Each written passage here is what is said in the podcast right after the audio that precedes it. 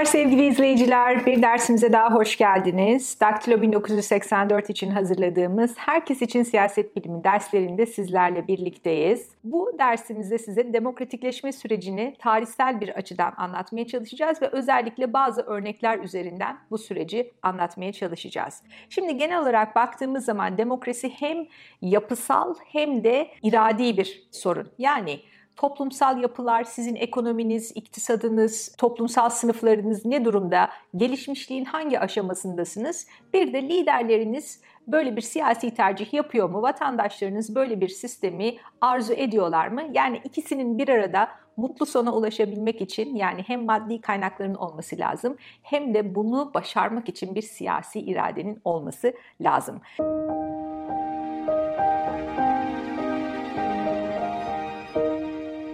Şimdi ilk örneklerimize bakarsak, ilk örneğimizi İngiltere'den biliyoruz. İngiltere hakikaten demokratikleşme sürecini son derece yavaş, sindire sindire, otura otura başarmış nadir örneklerden bir tanesi. Diğer örnekler her geçişi bu kadar yumuşak bir şekilde başarmış değil.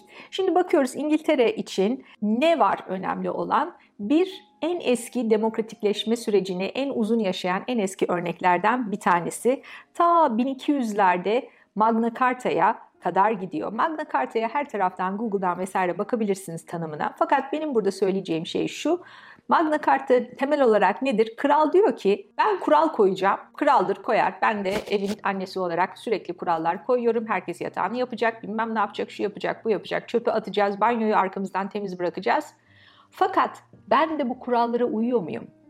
Şimdi Magna Carta'da önemli olan o. Kral diyor ki yazıyorum buraya bir seri kural koyacağız, bir dizi ama ben de o kurallara uyacağım. Anlatabiliyor muyum? Onun özü o.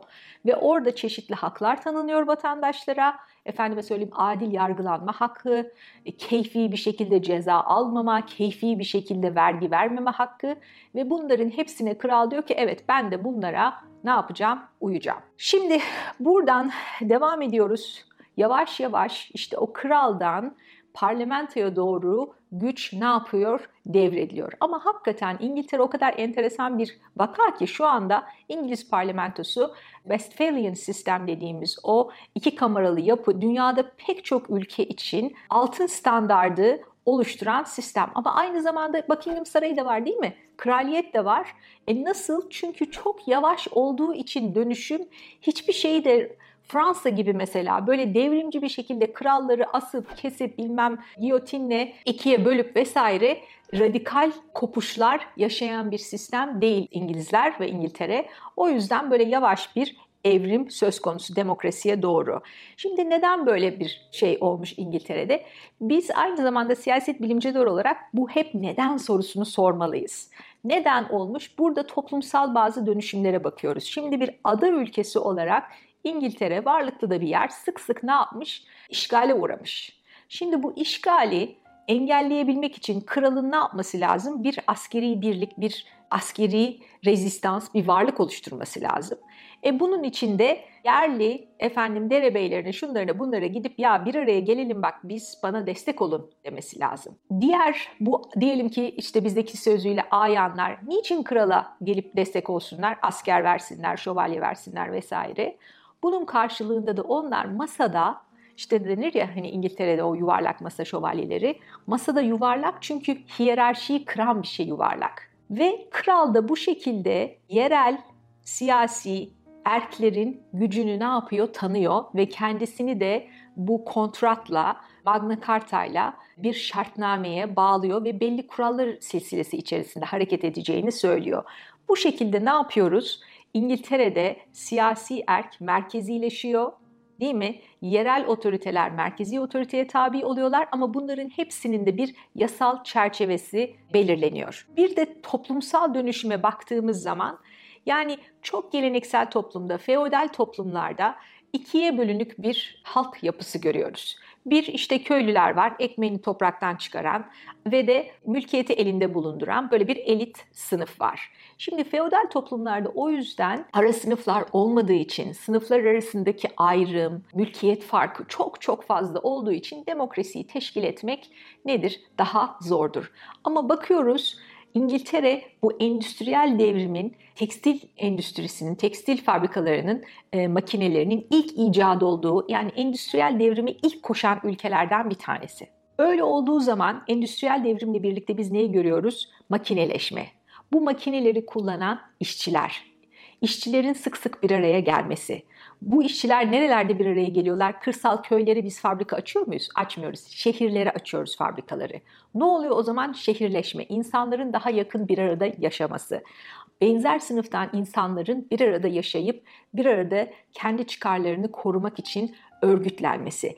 Nitekim İlk derslerimizden hatırlarsanız Marksizmi örnek verdiğimizde Karl Marx nerede yaşadı, nerede yazdı bütün o işçi sınıfı bir araya gelin, örgütlenin ve mücadele edin yazılarını? İngiltere'de yazdı. Çünkü endüstriyel devrim ilk ve en güçlü olarak İngiltere'de vardı.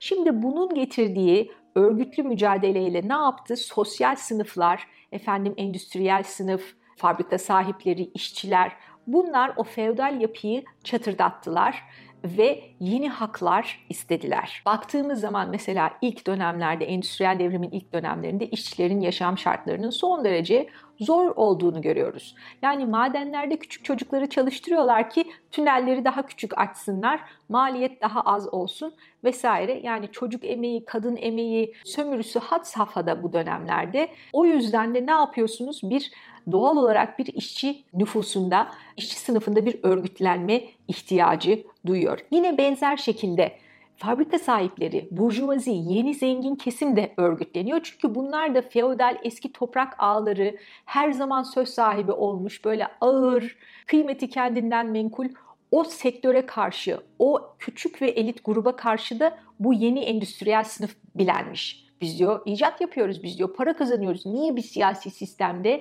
söz sahibi olmayalım? İşte bu yeni sınıfların modernleşmeyle birlikte yeni sınıfların hak ve özgürlük istekleri ne yapıyor? Yavaş yavaş yavaş yavaş İngiltere'deki sistemi demokrasiye doğru ne yapıyor? İtekliyor.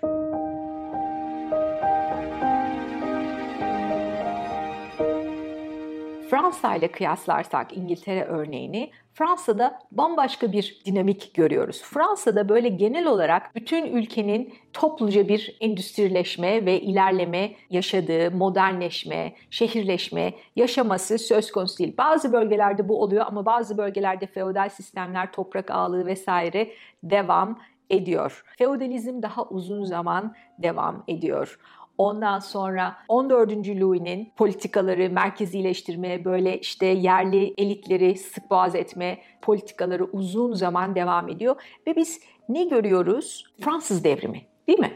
Fransa'da daha böyle hani diyelim ki İngiltere'de şöyle yavaş bir şekilde biz demokrasiye adım adım geçiş görürken Fransa'da pat 1789 Fransız devrimi. Ondan sonra tekrar bir imparator geliyor. Tekrar geri otoriterizmle dönüyorsunuz. Tekrar geri devrim, tekrar geri Fransız komünü vesaire.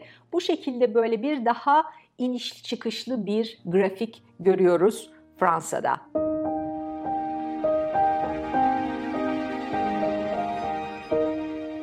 Amerika'ya baktığımız zaman orada da yine enteresan bazı sosyoekonomik dinamikler var. Şimdi Amerika'da da yine sosyal faktörlere baktığımız zaman mesela hani bugünün Amerika'sını anlamak için de hakikaten bence son derece faydalı. Bakıyorsunuz yani ilk kurulan koloniler o kuzey doğuda kurulmuş. Virginia ve, ve yukarısı, Pennsylvania, New York, Massachusetts, Connecticut filan. Şimdi buralarda endüstriyel devrim de zaten buralarda başlıyor. Buralarda şehirleşme fazla, buralarda işçi sınıfı fazla, buralarda hak ve özgürlük mücadelesi daha fazla. Ama daha güney eyaletlere baktığımız zaman ne görüyoruz? Sosyoekonomik faaliyetler burada neler? Buralar plantasyon dediğimiz çok büyük çiftlikler var güneyde. Ne yapıyorlar bunlar? Efendim tütün yetiştiriyorlar. Ne yapıyorlar? Pamuk yetiştiriyorlar. Bu böyle sıcaklarda bu tütün, pamuk bu ürünlerde çalışmak nasıl bilemiyorum hiç bilir misiniz? Böyle içinizde Adana'da tütünde, pamukta çalışmış var mı? Bunlar hakikaten çok zor işler arkadaşlar. Çok beden gücüne dayanan işler ve o yüzden de zaten kimse dayanamadığı için patır patır Afrika'dan milyonlarca insan getiriliyor ve kölelik koşullarında buralarda çalıştırılıyor. E ne yapıyorsunuz siz o zaman? İş gücünü özgür bir iş gücü değil, kölelikle sürdürüyorsunuz iş gücünüzü. Bunun karşılığında da son derece büyük toprak sahipleri, siyasi iktidar sahipleri böyle bir adeta feodal bir düzen var Amerika'nın neresinde? Güneyinde. Batıya doğru baktığınız zaman da işte bu Midwest falan benim şimdi yaşadığım yerler buralarda enteresan. Burada da çiftçilik var. Fakat burada o büyük ölçekli plantasyon çiftçiliği yok. Buralarda küçük aile işletmeleri var. Arazi yine çok büyük ama işte çoğu çocukla, oğlanlarla vesaire kızlarla birlikte işleyebilecekleri yani kendi ailenin işleyebileceği kadar toprak var veyahut da hayvancılık yapıyorlar çok büyük ölçekte. Ondan sonra yine bir köle iş gücü yok. O yüzden de hakikaten Amerika'daki demokratikleşme süreci de adeta böyle bir ülkenin ulusal olarak bir araya gelmeye çalışmasını görüyoruz. Ve nitekim bu da kimi zaman öyle çok barışçıl yöntemlerle olmuyor. Bakıyorsunuz işte sivil savaş niye? Kuzey ile güney arasında en önemli kavga unsurlarından bir tanesi bu kölelik kalacak mı, kalmayacak mı, kalırsa şartları nasıl olacak gibi. Yani demokrasinin evrimine baktığımız zaman sosyoekonomik unsurlara çok fazla bağlı olduğunu görüyoruz.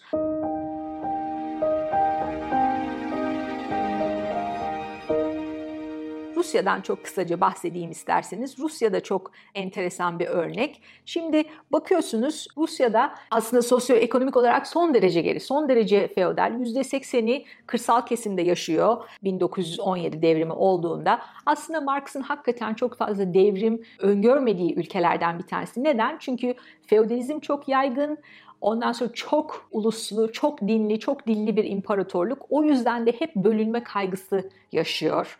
Bu çok dillilik, çok ulusluluk sebebiyle bölünme kaygısı fazla ve çar son derece mutlakiyetçi olmak zorunda. Çünkü ancak o şekilde bu kadar farklı unsuru bir arada tutabileceğini, dizginleyebileceğini sanıyor. Yani bir güçlü lider olması bunun illa doğru olduğunu göstermiyor ama bir güçlü lider geleneği mevcut. Yani böyle bir siyasi kültür var. Yani biz çok renkliyiz, çok şeyiz, herkesi bırakırsak alır başını gider bunlar. O yüzden merkezi idare ve onun yek vücutta konsantre olması Rusya için önemli bir handikap. Ve bu yüzden de nitekim daha sonra devrimden sonra tek partili sisteme evrildi Sovyetler. Tek partili sistemden de çıktı. Azıcık bir hani özgürlük mü olacak hay Allah biz ne yapıyoruz diye 90'larda bocaladıktan sonra 99'dan 2000'den itibaren de kendini Putin'in ellerine ne yaptı? Rusya teslim etti. Geçmişler olsun. Yani herhangi bir iktidarın hesap verme geleneği olmayan toplumlarda ne diyoruz? Bu demokrasiyi kurmak ve sürdürmek son derece zor oluyor.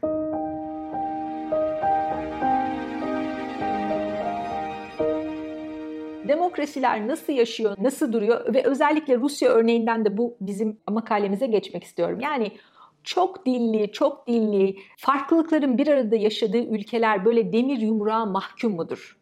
Bunlar demokrasi kuramaz mı? Eğer siz farklı dillerin, farklı dinlerin olduğu bir milletseniz mutlaka ve mutlaka böyle cebir unsurlarının güçlü olduğu bir rejim mi kurmalısınız? Bu soru benim ve pek çok siyaset bilimcisi meslektaşımın kafasını ne yaptı? Meşgul etti. Ve biz bir arkadaşımla birlikte bir makale hazırladık. Yani bu demokrasinin hangi şartlar altında daha iyi yaşıyor? Yaklaşık 150 tane ülkeden çok uzun süreli verileri topladık. Ondan sonra bir de bu ülkelerin demografik verilerini topladık. Yani bu ülkelerin nüfusu yüzde kaç farklı dil konuşuluyor? Farklı dinler var mı? Mesela Hindistan değil mi? Büyük iki tane çok büyük din var. Hinduizm ve 200 küsür milyon Müslüman veyahut da işte Belçika gibi birden fazla mezhebin, birden fazla dilin konuşulduğu ülkeler veyahut da etnik ayrımların çok belirgin olduğu Endonezya vesaire gibi ülkeler. Şimdi bu ülkelerin etnik, din ve dil yapılarına baktık. Ondan sonra bir de ne demiştik? Maddi koşullar önemli. Yani endüstrileşme önemli. Sınıfların oluşması ve güçlenmesi önemli. Bunların kalkınmışlık düzeylerine baktık.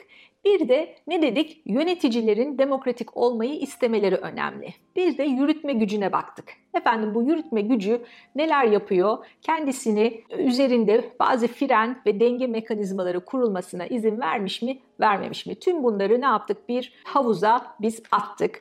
Çok burada basit anlatıyorum. İstatistik bilen arkadaşlarımız beni affetsinler. Şimdi bunların hepsini ne koyduk? Ekonomik kalkınmayı koyduk. Etnik demografik yapıyı koyduk yürütme gücü üzerindeki kontrolleri koyduk. Yürütme gücü üzerinde ne gibi kontrol olabilir? Mesela siz yürütmeyi federatif bir sistem olarak bölebilirsiniz. Dersiniz ki tamam merkezi güç olsun ama bazı güçlerde federal unsurların elinde olsun. Mesela Amerika'da diyelim ki veya Almanya'da pek çok Latin Amerika ülkesinde ufak tefek suçlar federal yargıda yargılanır. Ondan sonra evlenme yaşı, alkol tüketme yaşı gibi bazı konulara federal devlet düzeyinde karar verilir. Onun dışında hem merkezi hükümete vergi verirsiniz hem yerel hükümete vergi verirsiniz. Yerel hükümet sizin o vergilerinizde okul kurar, yol yapar vesaire vesaire. Böyle bir ikili bir yönetim vardır. Bu da ne yapar? Siz eğer iyi bir federal yönetime sahipseniz ne yaparsınız? Kaliforniya gibi çok daha güçlü bir eyalet olursunuz. Ekonomik yönden çok daha hakikaten üretken bir örnek olabilirsiniz. Ama federal olarak diyelim ki West Virginia'sınız, Batı Virginia'sınız. Efendim her şeyinizi bağlamışsınızdır kömür madenine. Kömür madeninde ucu bucağı olmayan öyle çok da ekonomik olarak dinamik bir sektör değil. O yüzden böyle hani uyuyan, işte herkesin kaçıp gitmeye çalıştığı bir eyalet olursunuz. Şimdi federal sistem böyle. Bir diğer yürütme gücü üzerindeki önemli çeklerden, önemli kontrol noktalarından bir tanesi de yürütmenin kendisini süre olarak frenlemesi. Mesela bu Meksika'da 6 yıldır. Bir kez seçilirsiniz başkan olarak, 6 yıl iktidarda kalırsınız, bir daha asla seçilmezsiniz. Çünkü o çok güçlü bir pozisyon ve bunu da daha eski başkanlar buna böyle karar vermişler. Demişler ki ya biz adeta kral gibiyiz ve bir kral bir kere gelsin ne yapıyorsa yapsın ondan sonra bir daha gelemesin ki kan tazelensin. Anlatabiliyor muyum? Öbür türlü yani biz hakikaten çok kötü bir sisteme doğru ne yapıyoruz? Evriliyoruz. Şimdi bu dönem sınırı mesela bu Amerika'da da 4-4 iki kez seçilirsiniz. Ondan sonra ne kadar sevilirseniz sevilin, ne kadar iyi olursanız olun tekrar seçilemezsiniz. Brezilya'da da böyledir. 4-4 iki kere seçilirsiniz peş peşe ondan sonra tekrar aday olamazsınız. Bunu da biz ne yaptık? Havuzumuza koyduk. Ekonomik kalkınma, demografik göstergeler ve yürütme üzerindeki kontrol mekanizmaları. Efendim çe bastık düğmelerimize çalıştırdık. Hangi koşullarda demokrasi daha güzel yeşeriyor, daha uzun süre yaşıyor? Hangi koşullarda demokrasi çöküyor? Birincisi eğer iktisadi olarak siz ileri gidiyorsanız yani ekonomik büyüme yaşıyorsanız bu sizin demokrasinizin de ömrünü uzatıyor arkadaşlar. Fakat Burada da önemli bir şey var. Yani hep zenginlik otomatik olarak demokrasiyi getirmiyor. İngilizce'de hani iktisatçılar kullanır law of diminishing returns diye bir şey vardır. Yani diyelim ki egzersiz yapmaya başladınız. Hiç yapmıyorsunuz ama bir anda günde yarım saat egzersiz yapmaya başladınız. Hemen bir kilo verirsiniz değil mi? Ama ondan sonra her gün yarım saat egzersiz yaptığınız için ilk başta verdiğiniz kadar çok kilo vermezsiniz. Şimdi ekonomik gelişmeyle demokrasi arasındaki ilişki de böyle bir şey çok fakirken birden zengin olduğunuzda o bir demokrasiye pozitif bir etki yapıyor. Ama yaklaşık şunu söyleyeyim size 10 bin dolarlara falan geldiğinizde artık toplum doymuş oluyor. Ondan sonra ekonomik başarıyı, büyümeyi hemen bir demokrasiye tahvil etmeniz mümkün olmuyor bir. Ondan sonra yürütmenin üzerindeki kontrollere baktık. Hakikaten eğer demokrasinizi siz kör topal olmadan böyle düzgün bir şekilde yürütmek istiyorsanız, aralarda tökezlemeler yaşamak istemiyorsanız bu yürütme gücü üzerindeki kontrolleri yerleştirmeniz lazım. Bunu yerleştirmiş ülkeler yani ademi merkeziyetçi ve yürütme gücü üzerinde dönem kısıtı kurmuş ülkelerde demokrasi istediği kadar çok sesli olsun. 50 tane etnisite olsun. 3 farklı dinden, 5 farklı mezhepten insanlar olsun. Bu demokrasi yürüyor arkadaşlar. Bu demokrasi hiç tökezlemeden işlemeye devam ediyor. Fakat demokrasi ne zaman işlemiyor? Yani çok uluslu, çok milletli, çok dinli, çok dilli demokrasiler ne zaman tökezliyor? Bir, pastayı artık büyütemiyorsunuz. Pasta küçülüyor. Ne yapıyoruz? Biz birbirimizi böyle artık gözümüz götürmüyor onun yediği parçayı. Çünkü efendim neden o o mezhepten biz o mezhepten değiliz bak nasıl araba alıyor vesaire gibi pastanın küçülmesi yani iktisadi daralma bir de yürütmenin üzerinde hiç kontrol yoksa, yürütme öyle gemi azıya almış bir şekilde bütün herkese hükmediyorsa ne oluyor o zaman? Sizin demokrasiniz tökezliyor ve geriliyor. Evet arkadaşlar şimdi buraya kadar demokrasimizi nasıl sağlam düz bir yolda yürüteceğimizi öğrendik. Nüfuslar hiçbir yerde homojen değildir. O yüzden mesela ben hakikaten tüylerim diken diken oluyordu bu 2003'teki Irak işgalinden sonra. Efendime söyleyeyim şu Sünni bölge, Şii bölgesi, bilmem bölgesi böyle haritalar çizilip bütün demokrasiler çok renklidir. İçlerinde çok farklı farklı nüfusları barındırırlar. Yani homojen olmak demokrasinin bir şartı değildir. Bakın İngiltere'ye bakın, efendim Galler var, İskoçya var, İrlanda var.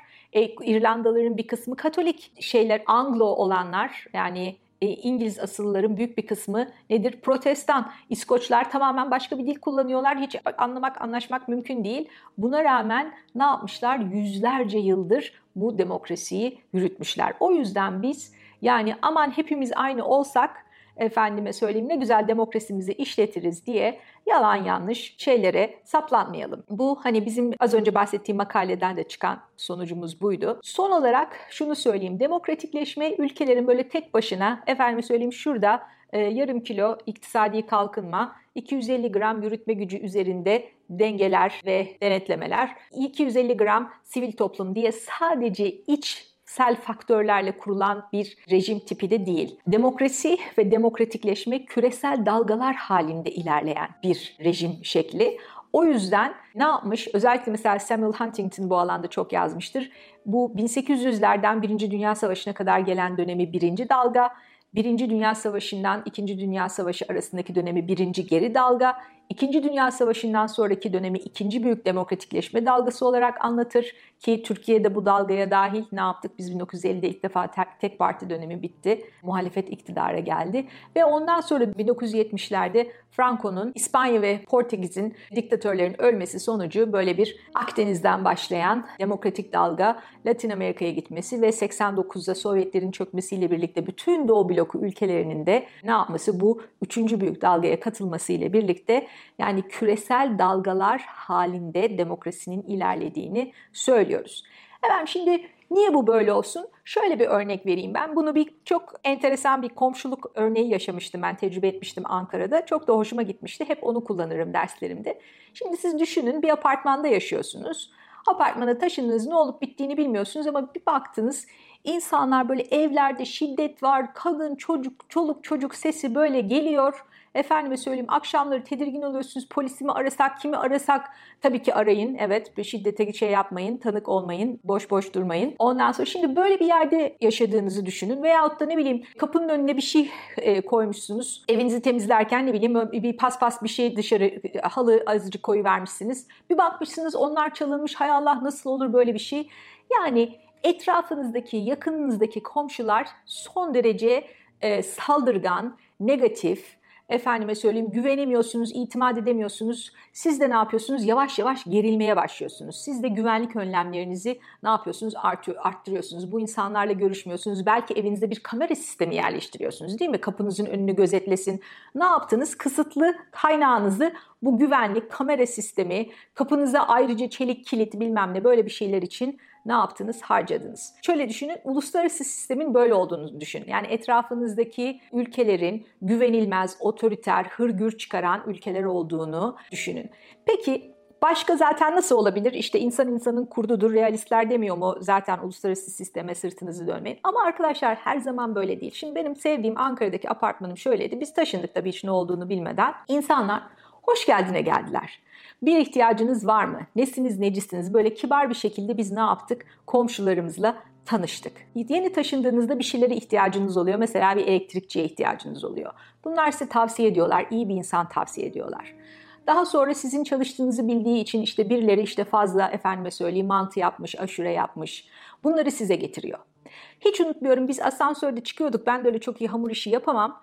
Birileri de yani asan büyüktü bina 13 katlı. Biz 11. kattayız. Eşim, ben, oğlum asansörde biniyoruz. Hemen birisi de kapıdan bindi. Böyle muhteşem bir revani şeyi elinde. Biz de gördük yani böyle baktık. Ondan sonra biz 11'de indik. Bunlar devam ettiler yukarı. Ve inanır mısınız 5 dakika sonra o beyefendi bize 3 dilim almış getirmiş revani. Yani biz gördük diye apartmanda. Şimdi ne, ne anlatmaya çalışıyorum böyle revani apartman filan. O apartmanda ben yurt dışına gittiğimde arabamın anahtarlarını, evimin anahtarlarını komşuma bırakıyordum. Ve amandır göz kulak olun bir şey fişte ütü mütü bir, bir şey bırakmış olabilirim. Ne yapıyorum? Hiçbir güvenlik kaygısı duymadan değil mi? Ben de rahat ediyorum ve enerjimi ne yapıyorum? Efendime söyleyeyim mesela Amerika'da çocuğunu okutan var, bilmem ne yapan var. Biz de elimizdeki kaynaklardan onlara ulaşıyoruz, arıyoruz, soruyoruz, yardımcı oluyoruz, destek oluyoruz. Onlar da bana ama revani, ama evime göz kulak olmak, ama bana elektrikçi vesaire sağlamak. Ne oldu böyle biz biz pozitif bir sistem yaratmış olduk o apartmanda. Uluslararası sistemde böyle bir şey. Yani siz sistemden olumlu sinyaller, demokratik sinyaller aldığınız zaman siz de o yöne doğru evriliyorsunuz. Ama siz sistemden sürekli tehdit ve güvenlikle ilgili kaygı algılıyorsanız siz de enerjinizi, paranızı, kaynağınızı o alana yatırıyorsunuz. Anlatabiliyor muyum? Yani hiçbir ülke uluslararası sistemden azade böyle bir boş bir balon vakum içinde çalışmıyor. Şimdi umarım uluslararası sistemin bizim her ülke üzerinde etkisini artık teslim ettik. Etkisi var ama nasıl etkisi var? Bunu da ölçmüşler. Princeton'dan bir hoca gitmiş bunu ölçmüş. Uluslararası sistemin sizin demokratikleşmede etkisini ölçmüş. Şöyle diyor. Eğer uluslararası sistem tam demokrasi ise yani baskın olan, hegemon olan yani bizim apartman gibi herkesin birbirine kibar, itinayla davrandığı, destek olduğu gibi bir uluslararası sistemse siz yaklaşık %50 bir ilerleme kaydedebilirsiniz demokrasinizde. Ama diyelim ki biraz bazı komşularınız iyi, bazı komşularınız otoriter ondan sonra bazıları demokrasi yani böyle %50-50 bir denge var. Siz de demokrasinizde bu durumda yaklaşık %20 bir ilerleme kaydedebilirsiniz. Ne oldu? Yine ilerlediniz ama %50'den performansınız, demokratik performansınız %20'ye düştü. %30'luk bir kayıp var. Niye? Çünkü sistemde otoriter elementler de güçlü. Yani bazı devletler demokrasi, demokrasi yanlısı, bazıları otoriter, otoriterizm yanlısı. Ne oldu? Sizin demokratik ilerlemeniz oldu ama %20'lerde kaldı. Peki diyelim ki sistem otoriter. Ama siz elinizden geleni ardınıza koymuyorsunuz. Demokrasi olmayı çok arzu ediyorsunuz efendime söyleyeyim her türlü işte iktisadi kalkınma, temel hak ve hürriyetler, işçi hakları vesaire bunları teşkil etmeye çalışıyorsunuz. Fakat etrafınızdaki bütün uluslararası sistem otokratik. Böyle bir durumda ne yazık ki demokratik ilerleme kaydedilemiyor. İstediğiniz kadar siz tek başına mücadele etmeye çalışın, demokratik olmaya çalışın. Ülke olarak bütün uluslararası sistem otokratikse demokratik ilerleme maalesef mümkün değil. Hepinize son derece demokratik, son derece hoşgörülü, toleranslı, birbirine destek olan komşular tavsiye ediyorum. Bugünkü dersimizin de bu şekilde sonuna geldik. Umarım siz de keyif almışsınızdır. Yorumlarınızı, sorularınızı mutlaka bekliyoruz. Aşağıdaki yorum kısmına eklemeyi unutmayın. Kendinize çok iyi bakın. Hoşçakalın.